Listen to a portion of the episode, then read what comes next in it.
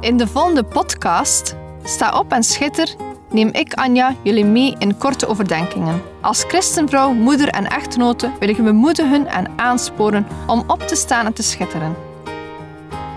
We zijn niet gemaakt om in Gods koninkrijk stil te zitten en niets te doen, maar om op te staan en dienstbaar te zijn. In de eerste plaats tien over God, daarna tien over ons gezin, onze partner of onze geloofsgenoten.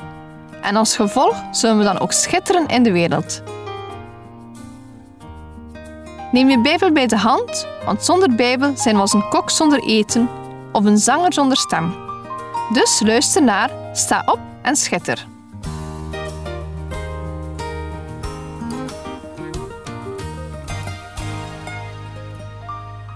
Vorige week had ik het over palmbomen die hoog groeien naar de hemel toe en sterker zijn als in groep staan, waarvan de wortels zeer diep onder de grond gaan. Vandaag wil ik een kleine kijk nemen in het samenstaan en hoe we elkaar tot hulp kunnen zijn.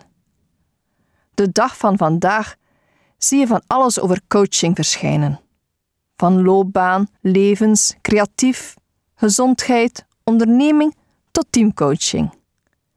En dat is nog maar een klein gedeelte van wat je kan vinden in verband met coaching. Er zijn ook nog andere begrippen als zielszorg, discipelschap en mentorschap. Allemaal begrippen die met elkaar te maken hebben. Vandaag wil ik het hebben over christelijke mentorschap. Christelijke mentorschap is eigenlijk een persoon begeleiden bij de groei van zijn geestelijk leven. Een christelijke mentor is dus iemand die een ander begeleidt in het beter leren kennen en volgen van Jezus. We zijn als christenen aan elkaar verbonden. We zijn ook niet gemaakt om ons christelijk geloof alleen te beleven of alleen te leven. We behoren toe aan één lichaam en kunnen niet goed functioneren als we alleen maar een hand of voet zijn. We moeten voor elkaar zijn. Ik geloof dan ook zeer sterk in mentorschap en zie ook dat kerken daar wel in zijn tekortschieten. Ook als ik naar mezelf kijk, dan schiet ik daar wel eens in tekort. Ik ben me zeer bewust dat mentorschap een groot verschil kan maken. Zeker als het gaat over kinderen, jongeren of jonggelovigen. Mentorschap is essentieel voor christelijk discipelschap. Jezus begeleidde de twaalf apostelen om hen te onderwijzen, zodat ze Gods liefde konden uitdragen en Jezus konden vertegenwoordigen in de wereld. Jezus was de mentor van discipelen, zodat zij op hun tijd anderen konden mentoren. Als we de Bijbel bekijken, zien we verschillende personen die niet alleen stonden in hun geloof. Zo nam Barnabas Paulus onder zijn hoede en begeleidde Paulus op zijn beurt Timotheus als geestelijke zoon. De wijsheid die ze meekregen van hun mentor gaven ze op hun beurt weer door. Wij mogen dit ook doen. Ook in Titus 2 vinden we op dit gebied opdrachten gericht aan verschillende groepen. Ik wil vier van deze groepen bekijken. De oudere en jongere mannen, even in het kort, en bij de oudere en jongere vrouwen ga ik wat dieper in op het onderwerp. Laten we Titus 2 lezen, de versen 1 tot en met 8. Daar staat: Maar u, spreek wat bij de gezonde leer past. De oudere mannen moeten beheerst zijn, eerbaar, bezonnen, gezond in het geloof, in de liefde, in de volharding. Evenzo moeten de oude vrouwen in hun gedrag zijn zoals het heiligen past. Geen kwaadspreeksters, niet verslaafd aan veel wijn, maar leraressen van het goede, omdat zij de jongere vrouwen leren verstandig te zijn, hun man lief te hebben, hun kinderen lief te hebben, bezonnen te zijn aan keus, te zorgen voor hun huishouden, goed te zijn, hun eigen mannen onderdanig te zijn, omdat het woord van God niet gelasterd wordt. Spoor evenzo de jongere mannen aan bezonnen te zijn. Betoon uzelf in alles een voorbeeld van goede werken. Betoon in het onderwijs zuiverheid, waardigheid, oprechtheid en spreek een gezond woord, boven alle kritiek verheven, zodat de tegenstander beschaamd zal staan en niets kwaads van u te zeggen heeft. Het eerste vers benadrukt het belang van het verkondigen van de juiste leer. De Bijbel maakt onderscheid tussen gezonde en valse leer.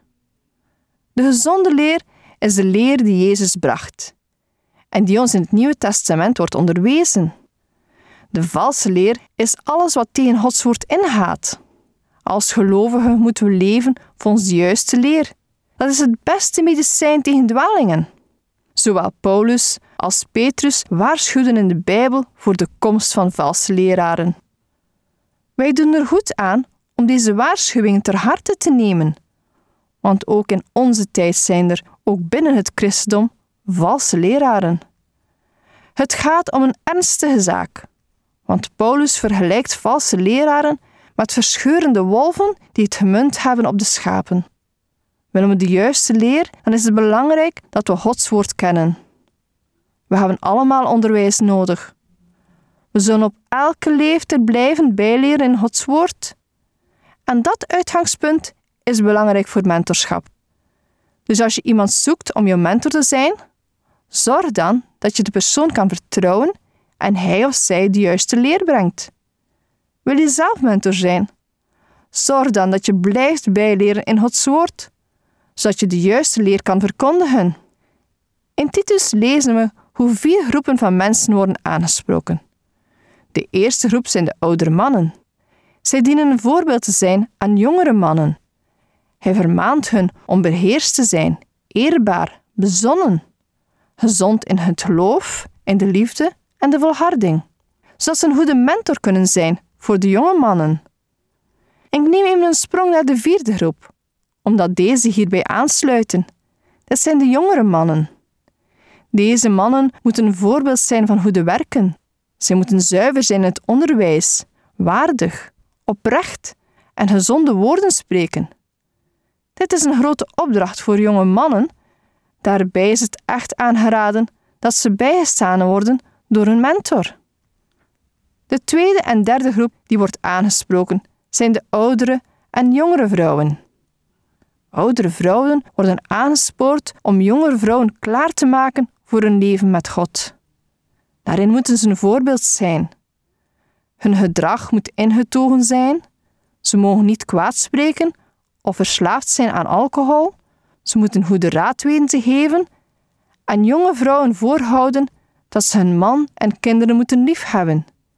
Dat ze ingetogen, rein, zorgzaam in het huishouden en vriendelijk moeten zijn en dat ze het gezag van hun man moeten herkennen. Wat een opdracht voor de oudere vrouwen. Ze mogen jongere vrouwen mentoren, zodat ze het woord van God in eer zullen houden. Ze kunnen advies geven en opvoeden, of hoe ze een goede manager kunnen zijn van hun huishouden. En vul zelf maar aan. De oudere vrouwen beschermen de jongere vrouwen door een voorbeeld te zijn. Dit alles is tot eer van God. Wat een mooi mentorschap! Nu, voor jonge vrouwen is het ook een opdracht. Luister naar de wijze woorden van oudere dames en sla hun mening niet direct voor de wind. Zoals ik al zei, God heeft ons aan elkaar gegeven met een doel. Wanneer we binnen de kerk mentorschap gaan toepassen, dan gaan we bruggen bouwen tussen generaties. En weet je wat zo mooi is aan mentorschap? Je kan ook leren van de persoon die je begeleidt. Mentorschap begint met luisteren. Ik vind luisteren niet altijd zo gemakkelijk. Ik denk vaak direct aan iets of ik wil direct reageren. Want ik weet wel een oplossing.